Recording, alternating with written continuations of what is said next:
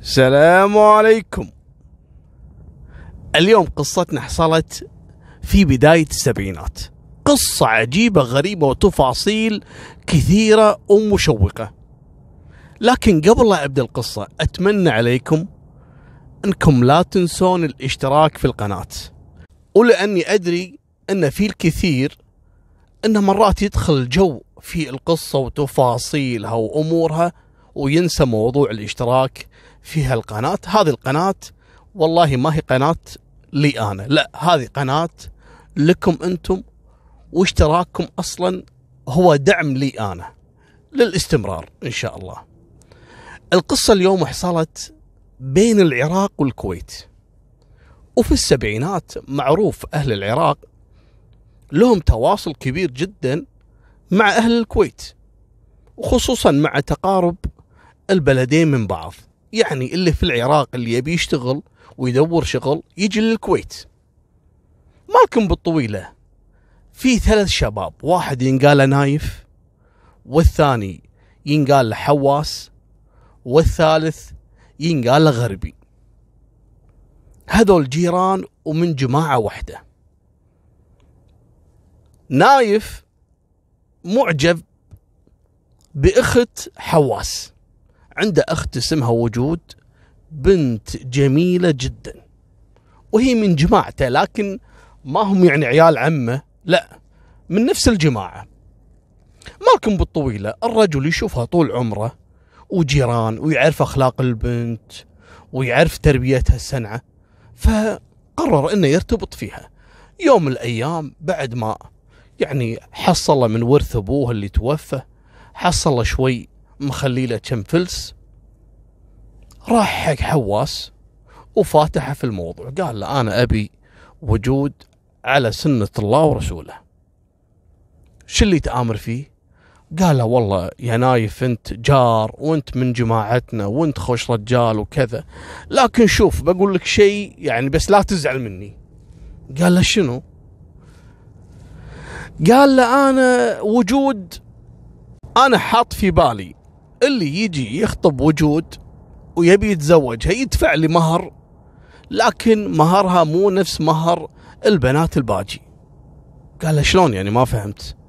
قال له يعني أنا رجل محتاج فلوس وكذا وأنا ناطر اليوم اللي تتزوج فيه وجود علشان يجيني مهرها هذا يفك أزمتي. قال إي أنت آمر يعني قول لي شنو تبي يعني؟ قال أنا أبي مهر لكن ثلاث أضعاف المهر البنات كلها.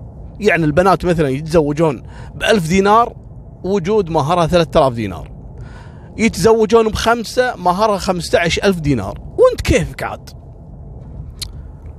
نايف ما يبي يعني يطلع بالشينة قدام حواس. وقدام وجود اللي أصلا تدري ان نايف يحبها وهي عندها قبول من نايف. تشوفه دائما وجارهم من الجماعة ورجل يتيم. يعني زوج يعني جدا ممتاز. إنسان شغول وكذا.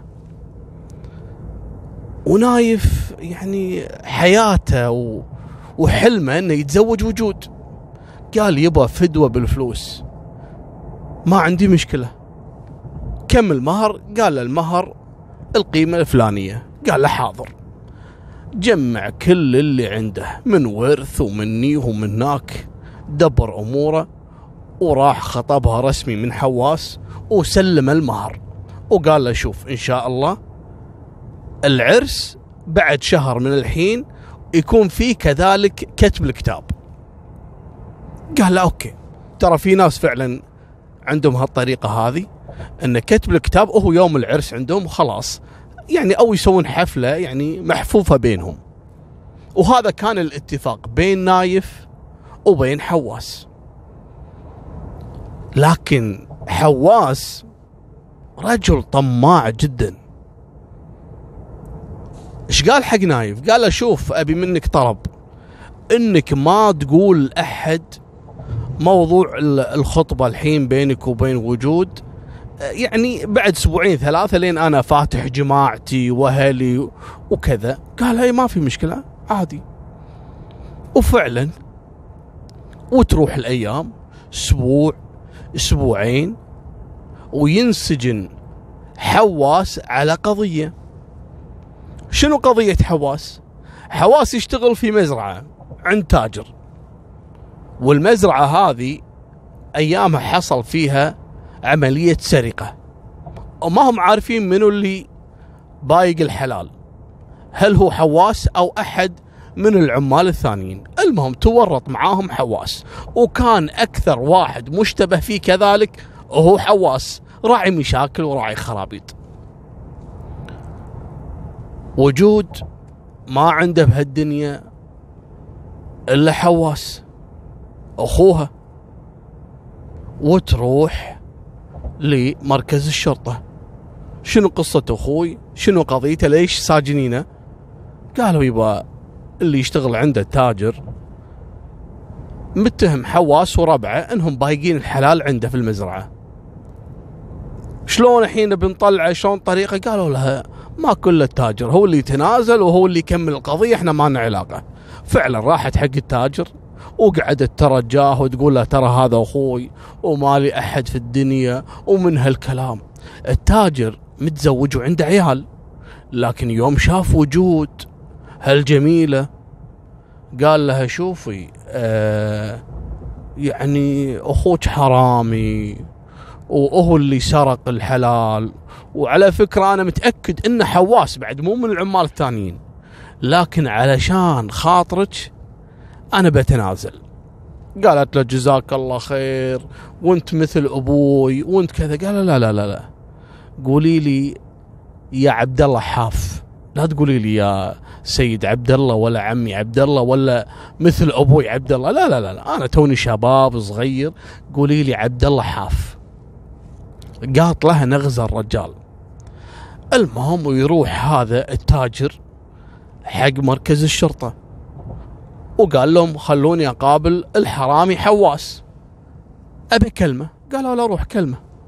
قال حواس أنت بايق وأنت كذا وأنت كذا وصدقني راح يسجنونك سنين وأختك الحين وحيدة ما لها أحد غيرك وأنت دمرت نفسك.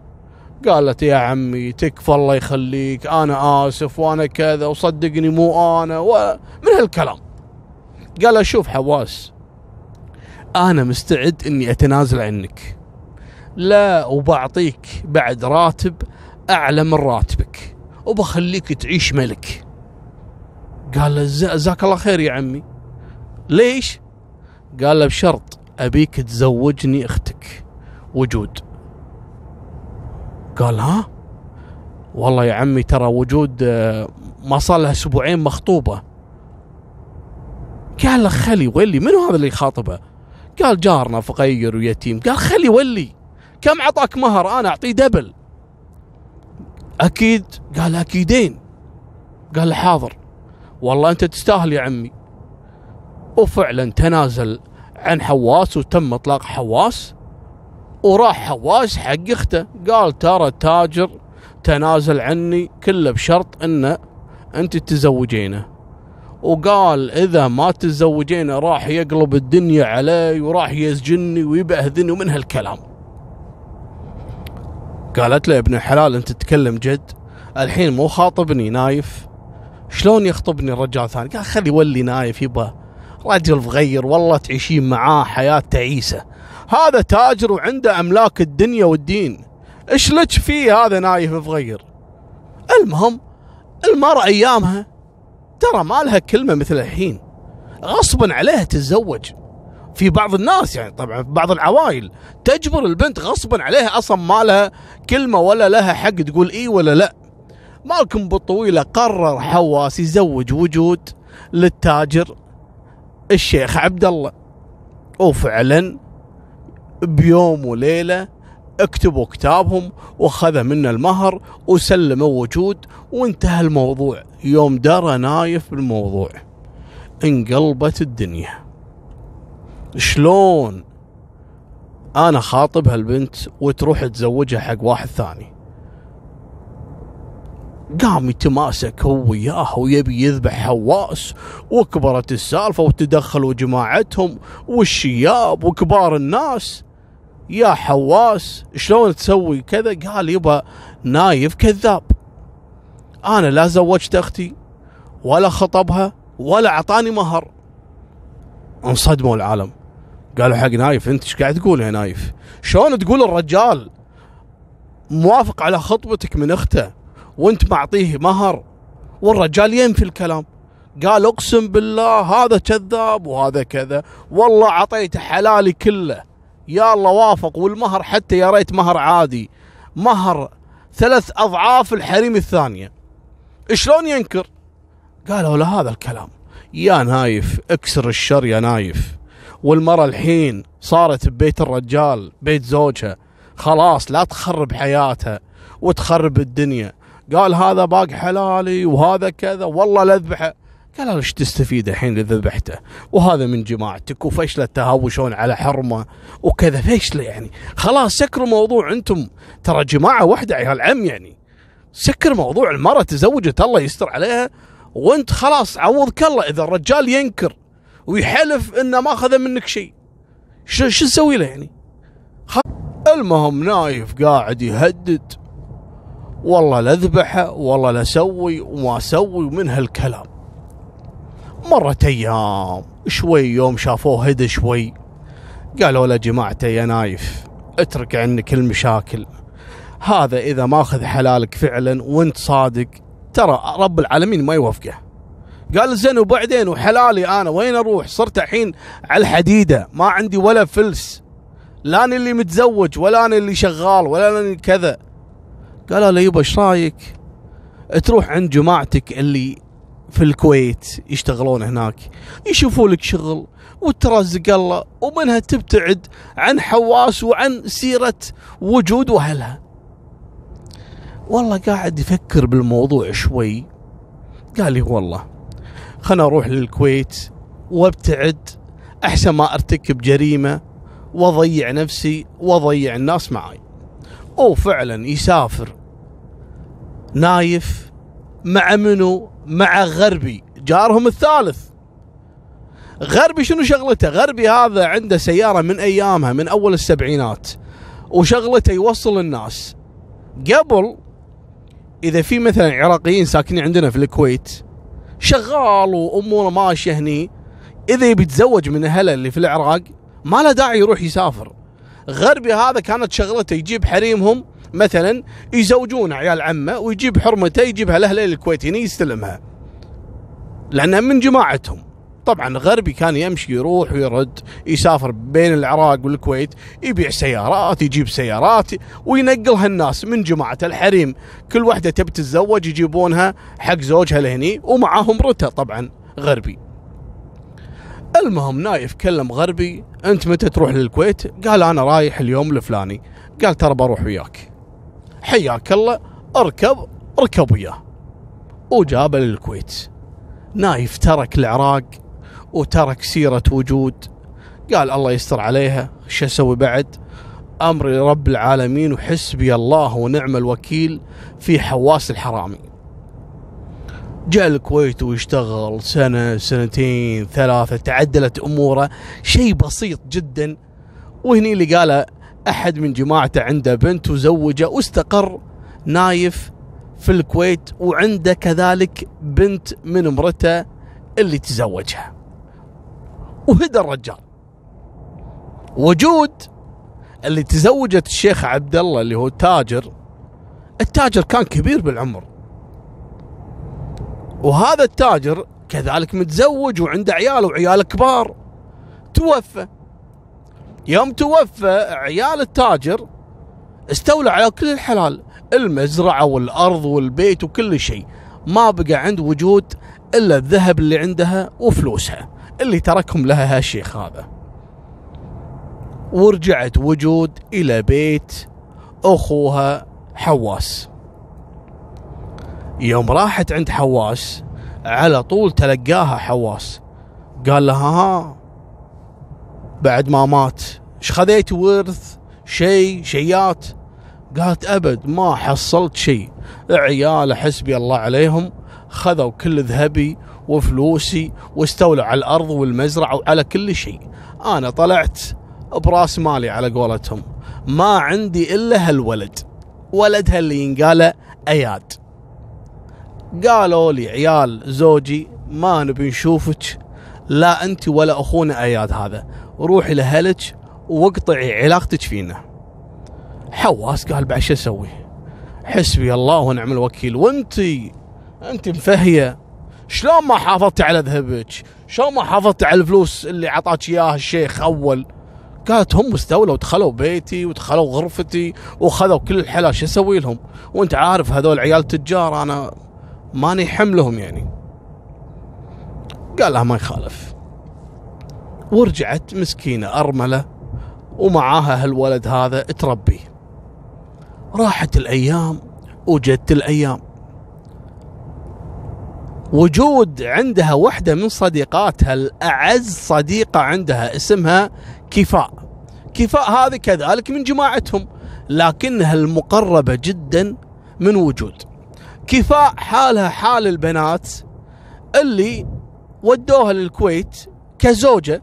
زوجها موجود في الكويت ويوصلها منه اللي هو غربي اللي يوصل الحريم اللي بيتزوجون وفعلا يوم سمعت وجود أن كفاء راحت زوجة للكويت قبل لا تمشي كلمتها وجود قالت لها ابيك موضوع. قالت له آمري. قالت آه، أبي منك خدمة بس الله يخليك. يا كفاء أنا ما أثق إلا فيك أنت. اللي بيني وبينك ما حد يدري فيه. قالت شنو؟ قالت شوفي أنا مخبيه ذهب وفلوس أبي أعطيك إياهم توصلينهم حق نايف. نايف اللي من جماعتنا اللي كان جارنا أو ترى الرجال دفع مهري وأخوي اللي خون فيه وكلاه عليه. ويوم كذبه وقال إنه نايف لا دفع ولا خطب.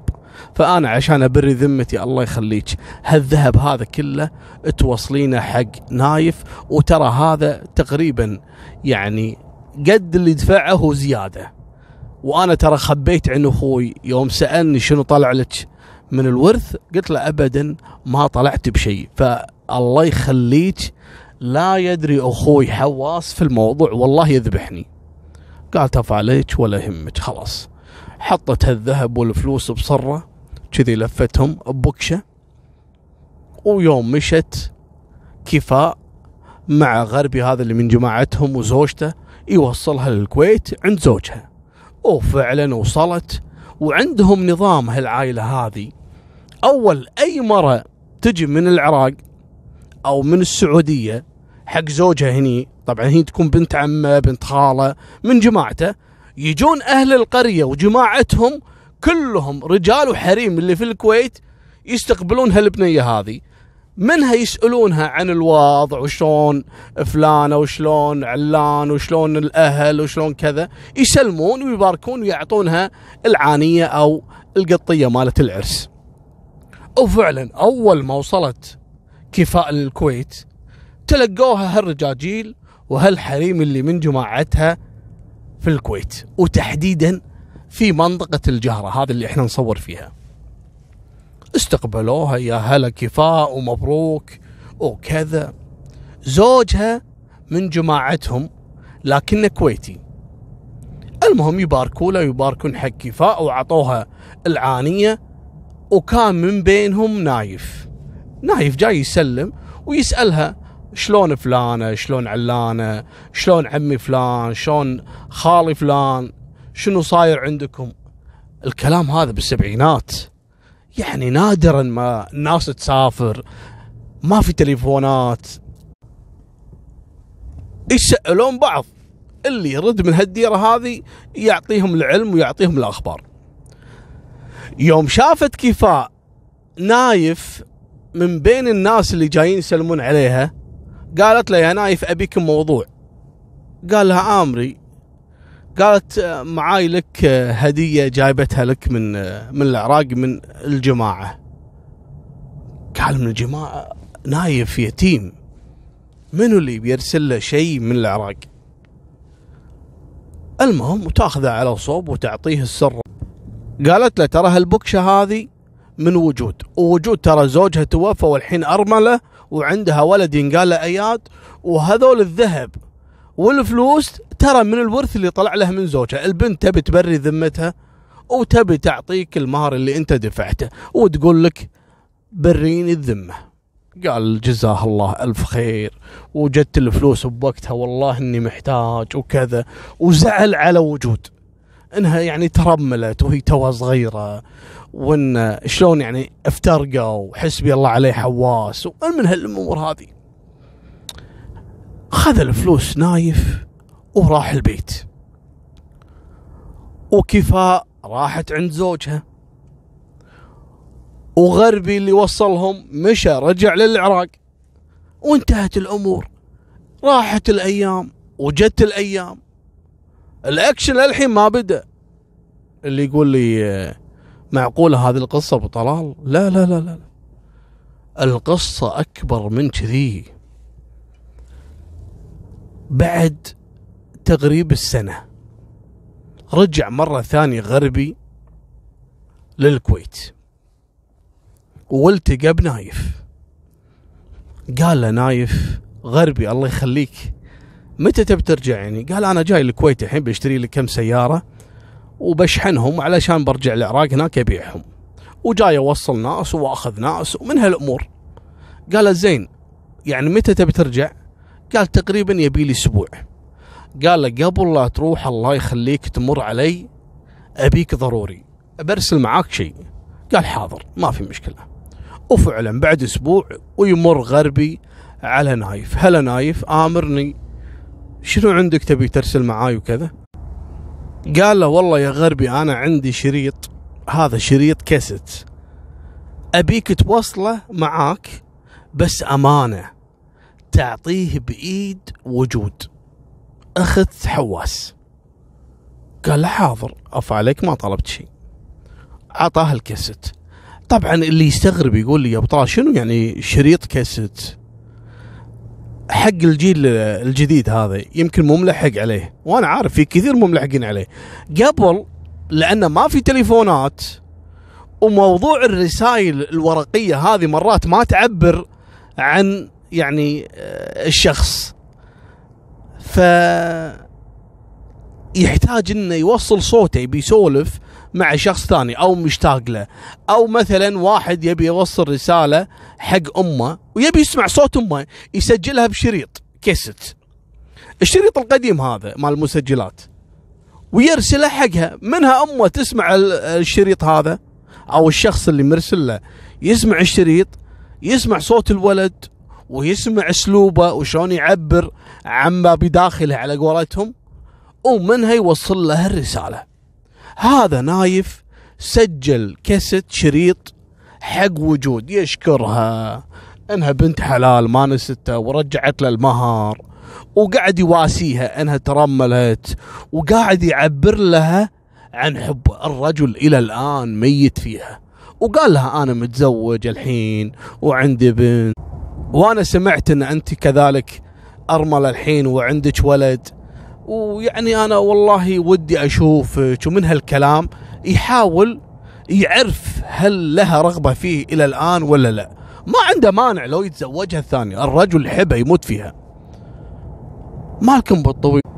غربي خذ الشريط من نايف علشان يوصله حق وجود أخت حواس.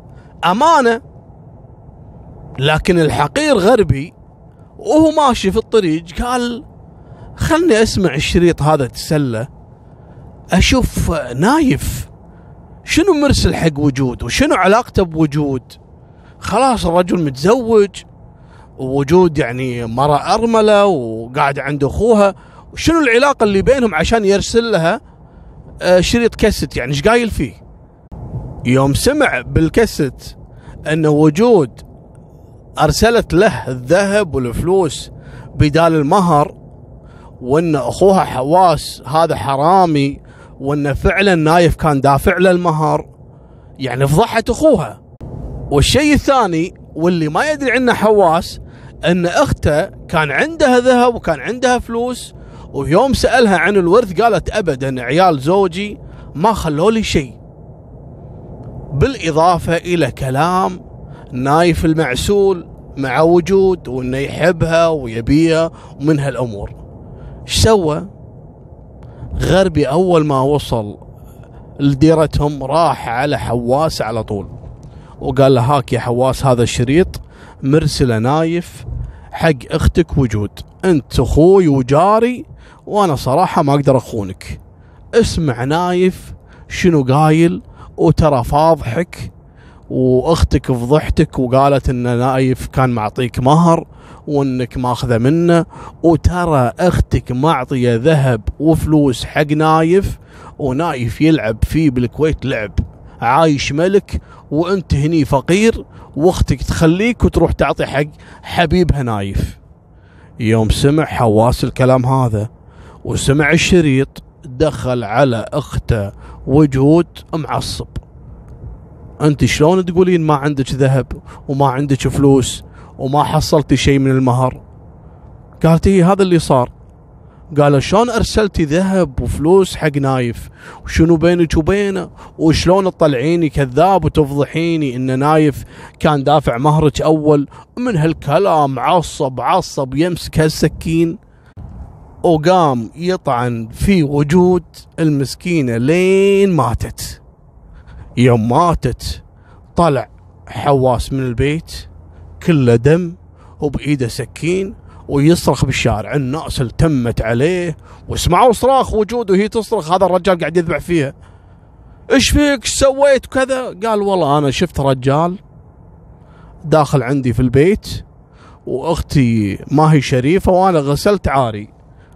حسبي الله عليك الله لا يوفقك يا حواس. شلون؟ قال لي أنا خذيت بثاري.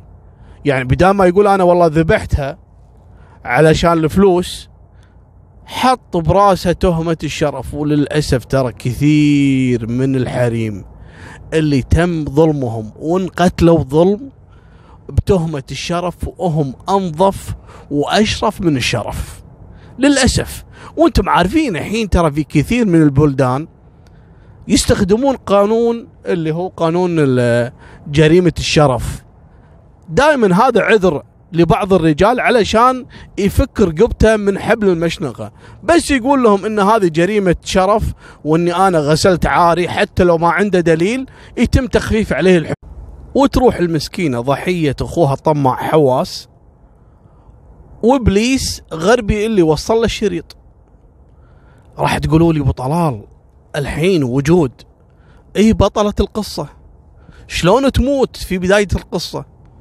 آه كلامكم سليم جدا صراحة. لأن بالأفلام الأجنبية البطل ما يموت. والله لو تعطيه ثلاثين طلقة ما يموت. لكن بالحقيقة لا. وجود بطلة القصة ماتت. وراحت سالفتها على كل لسان. إنها ماتت بجريمة شرف وانها فيها كذا وفيها كذا. الحين حواس طلع منها. لكن إلى الآن حاقد على منو؟ على كفاء البنت صديقة وجود اللي خذت الذهب والفلوس ووصلت النايف. قام إيش سوى؟ حسبي الله عليه. قام نشر الخبر قال ترى مو بس أختي وجود اللي فيها كذا وكذا. كذلك صديقتها كفاء.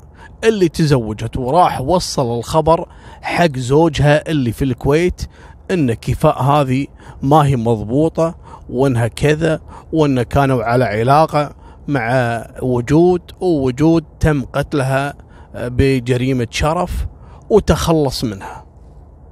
الرجال هذاك انجن مسك كفاء وذبحها من الطق. ضرب. شنو علاقتك بوجود؟ قالت صديقتي.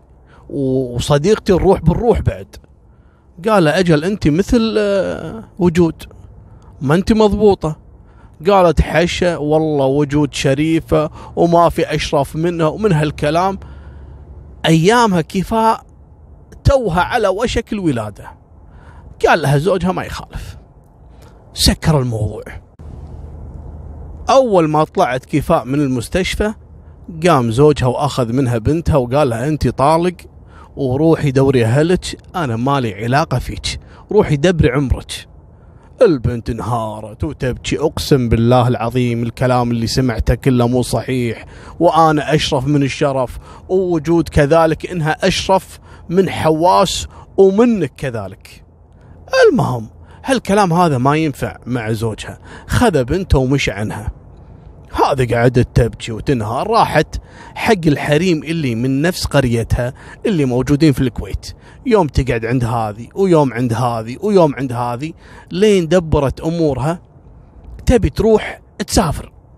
الكلام هذا كان تقريبا وصلنا عام 82 83 شو اللي حصل؟ أثناء الكلام هذا وصل الخبر حق نايف إنه وجود أخوها حواس ذبحها بجريمه شرف. وإنها مع رجال ومنها كذا ومنها كذا. نايف على طول عرف السالفة. قال لا لا السالفة ما هي سالفة شرف. أكيد الشريط هذا وصل بإيد حواس وذبحها علشانه قام يكلم جماعته ومني ومني يبي يعرف السالفة يبي يعرف التفاصيل. الكل يقول له يبا وجود. طلعت مرة ما هي نظيفة. واخوها ذبحها. أنت شلك بهالسالفة؟ ليش تسأل؟ قال أنا ماني مصدق. وفعلا يوم يومين ويلتقي بكفاء. كفاء كانت متجهزة تبي تسافر ترجع لأهلها في العراق. وقالت له قصتها وإن زوجها طلقها. بعد قصة وجود وقال إنها ما هي مضبوطة مثل وجود ووجود متهمينها بالشرف. قال لها يا كفاء قبل لا توفى وجود أنا أرسلت شريط قالت شريط شنو؟ قال له أنا أرسلت لها شريط وقلت لها مشكورة على أنك رديتي المهر ومن هالكلام وشكرتها وقلت لها أنا ترى أحبك وإذا في مجال ترى أنا للحين أبيك وبتزوجك ومن هالكلام. قالت بس خلاص الحين أنا فهمت السالفة. يعني حواس يوم ذبح وجود ترى ما ذبحها علشان موضوع شرف. قال أجل عشان شنو؟ قالت له ترى لما ترملت وجود حواس قال لها وين راح الورث؟ وين كذا؟ وهذه صديقتها كفاء تدري بكل شيء. قالت له لا والله ما حصلت شيء. عيال زوجها اللي توفى خذوا كل الحلال. لكن أنت لما أرسلت الشريط وحواس درى بالموضوع عرف أن وجود عطتك كل الذهب وعطتك كل الفلوس اللي عندها وبهالشيء هذا كذلك أثبتت أن حواس حرامي وكان ماخذ منك المهر ولهالسبب قام وذبحها هني انجن نايف أن وجود حب حياته ماتت مظلومة بتهمة وهي غنية عنها وكذلك ماتت بسبب زلة لسانه لما سجل الشريط وارسله لها. لكن حقد على منو؟ حقد على غربي اللي ما حافظ على الأمانة واللي وصل الشريط حق حواس. قال أنا أبي أذبح غربي. غربي هو السبب بالمصايب اللي صارت كلها حق وجود وحق كذلك كفاء. وهذول ترى كلهم يصيرون بنات عمه يعني من جماعته. زعلان عليهم إنه هو دمرهم بزلة شريط. المهم قال أنا صيده غربي وين يروح؟ غربي كل فترة وفترة يرجع يجي الكويت ويروح العراق. وفعلا غربي أيامها يشتغل بالسيارات. نايف خلاص خطط إنه يذبح غربي لكن ما يبي يدخل قصة وجود في الموضوع. قام واشترى سيارة. وهو يدري إن غربي رايح راد على الكويت يشتري سيارات ويروح يبيع هناك. فأول ما سمع انه غربي جاء للكويت. نايف كلم غربي قال يا غربي أنت مو تشتري سيارات وتبيع في العراق؟ قال إي نعم. قال أنا عندي سيارة تشتريها؟ قال أشتري ليش لا؟ فعلا جاب له سيارة. السيارة هذه شنو قصتها؟ وليش نايف شاري السيارة علشان يبيعها حق غربي؟ في باله خطة. قام وباع السيارة حق غربي أقل من سعرها اللي بالسوق بكثير لأنه عنده هدف. شنو الهدف؟ خذ غربي السيارة ومشى. بعدها فترة قام وكلم غربي قال له يا غربي السيارة اللي بعتها لك أنا سمعت أن هذا ما هو سعرها أنا بايعها لك ب 300 دينار. وقالوا لي أن سعرها بالسوق ألف. قال شو أسوي لك بعد؟ خلاص. أنت بعتها لي يعني. قال أنت ضحكت علي ومن هالأمور و... وتعمد نايف إنه يسبب مشكلة على موضوع سيارة، المهم قال له تعال أبيك بكلمك بالموضوع. التقوا في منطقة الجهرة عندنا في الكويت. وأثناء ما قاعد يتكلمون و... وكل واحد يغلط على الثاني أنت حرامي هذاك يقول أنا ماني حرامي أنت ما تفهم بعتها لي خلاص تحمل. قال أنت ضحكت علي وخذيتها برخيص من هالأمور قام نايف وطلع المسدس اللي معاه. تو كان شاريه ويذبح فيه غربي بوسط الشارع. التموا عليه العالم وخذوه للتحقيق. شنو القصة؟ قال والله إحنا اختلفنا على سيارة وقام يغلط علي ويهددني ومد إيده علي وأنا صراحة ذبحته. أسجنوا نايف بتهمة القتل. قاتل منه قاتل غربي اللي من جماعته على سالفة سيارة والعالم اللي يسروا لهم في الكويت كلهم دروا ووصل الخبر حتى في العراق عند جماعتهم. الأمر يعني إلى الآن طبيعي لكن كفاء الوحيدة اللي كانت فاهمة القصة أن نايف تعمد يفتعل المشكلة علشان فقط يبي ياخذ ثار وجود وكذلك ثار كفاء الحين تقول لي يا أبو طلال ها خلاص أكيد القصة تبي تنتهي الحين. وجود البطلة ماتت والحبيب نايف انسجن بتهمة قتل. خلاص تبي تختم؟ أقول لكم لا السالفة للحين ما بدت كفاء بعد ما انسجن نايف راحت زارته تبي تسلم عليه خلاص تبي تطلع من الكويت بعد ما يئست إن زوجها خذ بنتها ومو راضي حتى يخليها تشوفها. راحت حق نايف وتسلم عليه قال لها الله جابك. اسمعيني يا كفاء أنا محكوم الحين بسجن بتهمة قتل. يعني مستحيل يطلعوني إلا بعد 20 25 سنة. وتزوجت واحدة من جماعتنا لكن ما فيها خير. من درت إني انسجنت وإن سالفتي مطولة طلبت مني الطلاق وقالت لي كذلك أنا بشوف حياتي. وبنتك هذه اللي موجتهم بنت قالت هذه أنا ما أقدر أربيها. أنا بشوف حياتي وبستقر ومن ك... خلاص خلها تعيش عند أحد من جماعتك. قال لها أي جماعة؟ أنا أهلي كلهم ما عندي أنا يتيم ما عندي إلا من جماعتي من بعيد بس من ياخذها يربي بنتي؟ فالله يخليك يا كفاء. تقدرين تخلين بنتي عندك تربينها؟ قالت له حاضر. وقالت بالعكس. بنتك هذه الله عوضني فيها بدال بنتي اللي خذاها زوجي طليقي. وفعلا طلب المحامي وسوالها توكيل وعطاها بنته تربيها كفاء. خذتها وراحت للعراق. كفاء يوم وصلت العراق وراحت عند بيت أهلها وصلت عندهم تقريب الليل. طقت عليهم الباب. أطلعت لها أمها. طبعا إخوانها شايشين عليها يبي يذبحونها. بعد ما سمعوا سالفة إن زوجها طلقها بموضوع شرف وإن لها علاقة في وجود وجود اللي ماتت بقضية شرف كذلك وإنها ما هي مضبوطة. متحلفين فيها إخوانها يبون يذبحونها هي كذلك المسكينة. أطلعت أمها أول ما شافتها أمها قامت تكلمها شوي شوي تقول لها يا وجود أخوانك قاعدين يتعشون الله يخليك لا تجينا مرة ثانية. روحي اختفي يبا والله لا يذبحونك يا يبا أنا خايفة عليك. روحي. يوم دخلت أم كفاء البيت يسألونها عيالها يما من في الباب؟ قالت هذه وحدة شحاذة وكذا الله يعطيها وأعطيتها المكسوم. مشت من عندهم كفاء صاكة فيها الدنيا وحزينة. بنتها ماخذها طليقها وتوها في بداية حياتها مطلقة ومعاها بنت نايف تبي ترعاها. المسكينة خلاص الأهل تخلوا عنها الناس تخلت عنها وسمعتها صارت سيئة وهي بريئة. كل هذا الظلم بسبب الطمع وجشع حواس والحقير اللي مات كذلك غربي. لكن حيل الله أقوى شو تسوي؟ قامت تشتغل في البيوت خدامة. تشتغل في بيت تطلع منه تروح بيت ثاني.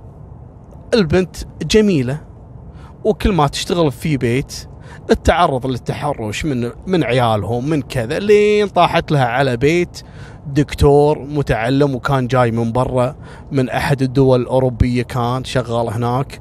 وبعد ما كبر في العمر استقر في العراق وعنده فيلا. اشتغلت عنده كفاء وكذلك هالدكتور هذا ما عنده عيال. استانس كذلك حتى على البنت اللي هي بنت نايف اللي قاعدة تربيها كفاء. اعتبر كفاء هذه عنده في البيت وهذه بنته. شوي شوي أعجب في كفاء وعرض عليها الزواج والبنت وافقت. تبي الستر المسكينة؟ وهو حتى كذلك ما صدق أن كفاء ترضى فيه. وهو رجال عمره تقريب السبعين وتزوجها وعاش معاها أحلى عشر سنين في حياته لين رب العالمين خذ أمانته وتوفى وترك لها حلال خير من رب العالمين. وصارت كفاء صاحبة هالبيت. لا وعلى حياة زوجها الدكتور الله يرحمه. قبل لا يتوفى خلاها تكمل دراستها وتخرجت من الجامعة وصارت مثقفة وكذلك البنت درست بنت نايف. يعني وضعها صار فوق النخل على قولتهم. بعد عشر سنوات توفى هالشايب وترك لها الخير هذا كله. وصارت كفاء إحدى سيدات المجتمع. وضعها يعني متعلمة مثقفة وكذلك خير وحلال وزوجها كان دكتور معروف فتسهت لها الأمور. وعندها حياتها كلها تفكر شلون تربي بنت نايف وكذلك شلون تاخذ بنتها من طليقها اللي حرمها منها من عشر سنوات. نرجع على حواس. حواس بعد ما ذبح وجود. خذ ولدها اللي ينقال أياد. ورباه عنده. وعنده فلوس وخير وطماع الولد بس يجمع مني ومنك. المهم شوي شوي هذا الولد حواس كان تبع الحزب حزب البعث. وتعرف على أحد كبار حزب البعث كان يشتغل معاهم مرافق. شقرد الولد وشيطان ومن كذا شبك معاه وشوي شوي تقرب منه وتزوج بنت هالقيادي اللي في حزب البعث. هم هذا مو هين وشاق القاع وقاعد. واسطات و... واملاك و... ومن يكلمه من قيادات حزب البعث. وتزوج حواس بنته. حواس لما تقدم حق بنت القيادي قال له أنا كنت سابقا متزوج وزوجتي توفت وعندي هالولد منها. ما قال له إن هذا ولد أخته اللي ذبحها أول. المهم صدق الرجال. هو ليش قال كذي؟ حواس فعلا تزوج أكثر من مرة وطلق بسبة إنه عقيم. الرجال ما في خلفه. وكل ما درت واحدة من زوجاته إن العيب منه وما يجيب عيال تطلب الطلاق. فلما تزوج بنت القيادي قال لا هذا ولدي أنا وزوجتي توفت من زمان وانتهى الموضوع وأنا رجال الحين أبي أستقر و... وتعرف وأنا قريب منك وأنت تعرفني عدل. قال لا بالعكس. وفعلا تزوج بنت هالقيادي سنة سنتين ثلاث. ما يجون عيال. قام يتهم زوجته إن هي اللي ما فيها خلفة. وطبعا بين لها إنه هو إلى الآن يحبها وإنه ما يستغني عنها. والولد هذا ولده من زوجته اللي توفت يعتبرونه هو وياها ولدهم. والبنت مسكينة مصدقة.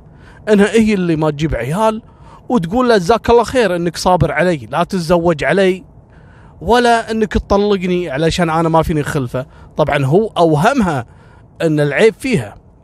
مالكم بالطويلة. أبوها توفى القيادي وترك لها خير وصار حواس الكل بالكل.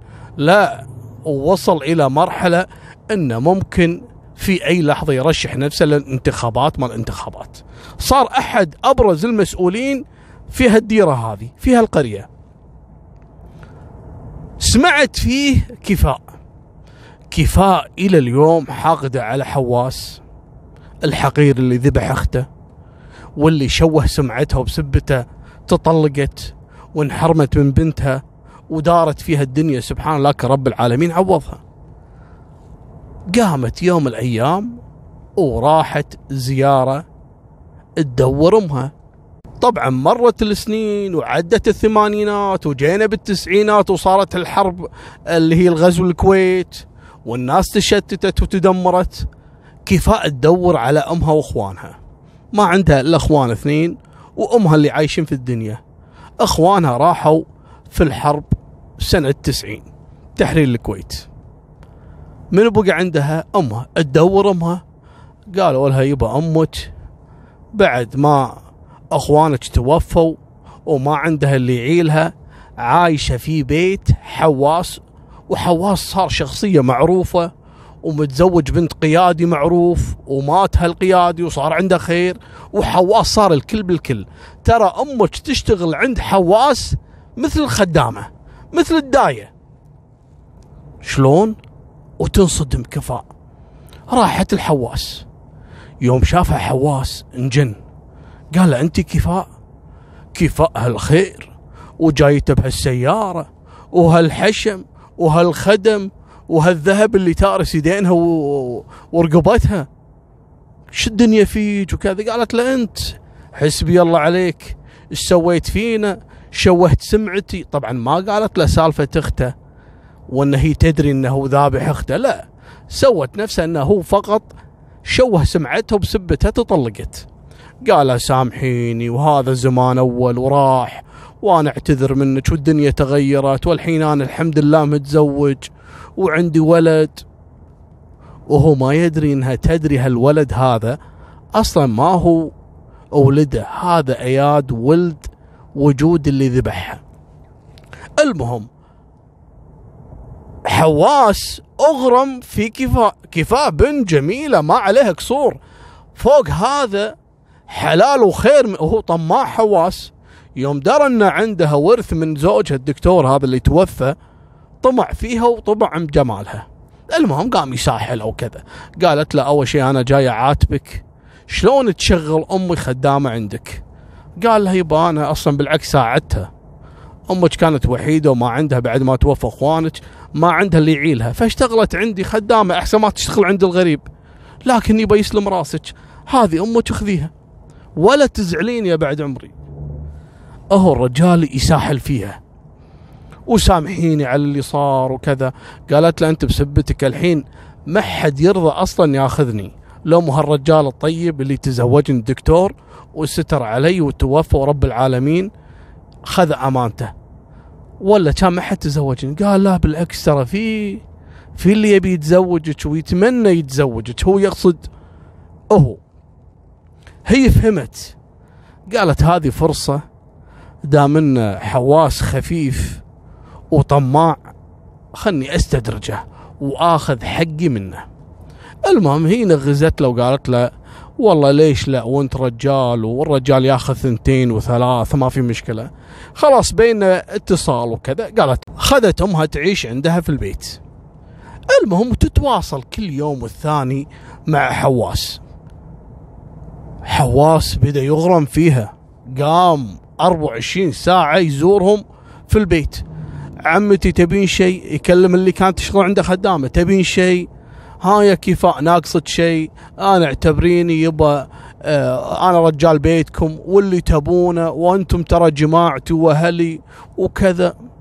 المهم لين جاء اليوم وفاتحها في الموضوع. قال لا صراحة أنا بتزوجك وأحبك وكذا وأنا بكفر عن ذنبي. قالت لا شو تكفر عن ذنبك؟ أنا ماني محتاجتك أصلا. قال لا لا لا أنا ما أقصد يعني بهالطريقة هذه لكن علشان يرتاح ضميري وبعوضك السنين اللي ماضية وعوضك كل اللي خسرتيه ومن هالكلام. قالت له والله ما عندي مشكلة إن شاء الله خلني أفكر. المهم وصارت اتصالات بينهم. هالكلام هذا في التسعينات. الحين حواس قال له أبو أياد اللي سجله باسمه ولد وجود اللي ذبحها الولد يعني من مواليد السبعينات تقريبا في 99 98 صار عمر الرجال حول العشرينات. السبع وعشرين ثمانية وعشرين سنة. المهم استمر حواس اتصالات بينه وبين كفاء. يبي يتزوجها بأقرب فرصة. كفاء تستدرج بالكلام. تقول له أنت ما منك أمان. سويت كذا وسويت كذا. المهم قالت له شوف علشان أرتاح لك وأطمئن لك لازم تقول لي كل شيء. إذا كشفت لي كل شيء أنا ممكن إني أثق فيك. المهم قال له عشان تثقين فيني تدرين إن الأياد هذا ما هو ولدي قالت له أنا أدري أصلا إن هذا ولد وجود وأنت ضاحك على زوجتك اللي هي بنت القيادي قايل لها إن هذا من زوجتك اللي متوفية. قال إي نعم صح. قالت لا أنت ما قلت لي شيء. قال لها أنا بعترف لك. تدرين ليش أنا شوهت سمعتك؟ ترى غصبا علي والناس ما كانت مصدقتني قالت له شلون؟ قال أنا لما قتلت وجود أول هي نرفزتني وطلعتني من طوري خلتني مثل المجنون. لما دريت إنها أرسلت معاك الذهب والفلوس حق نايف. قالت له أنا عارفه هالموضوع هذا. وكلام وجود يثبت إنك فعلا في الأول كنت ماخذ المهر من نايف وإنك جحدته وإنك نصبت عليه. قال إي صحيح. أنا صراحة طمعت بفلوسه ولما جاء التاجر يبي ياخذ وجود بديته على نايف. لكن السوالف هذه أنت إيش تبين فيها؟ خلاص أنت عارفة كل شيء مبين عليك. وكفاء تقعد تساحله تساحله بهالكلام. طلعت قاعدة تسجل له كل المكالمات. إلى إن جاء اليوم اللي حن عليها يقول لها متى أجي أتقدم لك رسمي. قالت لا ما في مشكلة الخميس الجاي. أكيد؟ قالت أكيد. وبشرط إنك تجي ومعاك جاهية وناس مو تجي بروحك. لا أنا أبي الناس كلها تدري في الموضوع. قال ما عندي مشكلة. قالت له أكيد مو خايف من زوجتك بنت القيادي. قال والله ما تهمني وراح أجي يوم الخميس ومعاي الجاهية ومعاي المهر كذلك. قالت تم. لما جاء يوم الملكه طبعا كانت تدري بنت القيادي قعدت زعلت وصراخ وقطعت بنفسها وانت كنت حافي منتف لما خذيتك وأبوي اللي سواك وأبوي اللي كذا والحين تتزوج علي؟ قال والله هذا اللي صار أنا بأخذها كفاء وصدقيني كفاء تملك خير من رب العالمين راح نعيش صدقيني شو المشكلة اتزوجها ثانية انت تبقين العزيزه قالت لا لا وأنا مو موافقة. قال لها توافقين ولا ما توافقين؟ أنا راح أتزوج غصبا عليك. كفاء إيش سوت؟ قبل لا يجي وقت العشاء الموعد المحدد لكتب الكتاب والملكة ووصول العالم والمعازيم. قامت وأرسلت التسجيلات اللي بينها وبين حواس حق زوجة حواس. قالت له شوفي ترى العيب اللي هو عدم الخلفة ما هو منك ترى من حواس. والولد اللي عندكم هذا ترى ما هو ولد حواس هذا ولد وجود. وحواس ترى قاتل أخته. واتهمني بشرفي. وكل اعترافاته موجودة في التسجيلات. وهو كذلك اللي أكل على نايف المهر في الأول وراح خون فيه وزوج أخته حق تاجر. يوم دارت بنت آه، القيادي في الموضوع وتبلغ عمامها والناس واصلة ويقومون يطردون حواس من البيت. وتقول له روح طلقني. وقامت كذلك زوجة حواس وبلغت رجال الأمن أن حواس معترف أنه هو اللي قتل أخته وأنه اتهمها بموضوع الشرف كله كذب بكذب. ألقوا القبض عليه. يوم ألقوا القبض عليه راحت كذلك كفاء وبلغت إياد هذا اللي عمره الحين 27 28 قالت له يا إياد ترى حواس ما هو أبوك وهذا التسجيل اسمعه. أنت ولد وجود. ترى خالك حواس هو اللي ذابح أمك وجود وأمك وجود أشرف منها ما في لكن خالك هذا خسيس وهو اللي سوى كل هالموضوع هذا. ترى لا هو أبوك وكذاب ترى هو عقيم وما تجي خلفه حتى انه كم كذب على أمك اللي هي زوجة أبوك الثانية هذه أن أنت ولده بس علشان يثبت لها أنه هو فيه عيال وأن هي اللي فيها العيب. طبعا قام عليه أياد وراح سجل قضية واتهمه بقتل أمه وبالفعل تم الحكم على حواس بجريمة قتل واعترف بالقصة بالكامل. وكان الخصم أصلا اللي هو مربيه اللي هو أياد ولد وجود.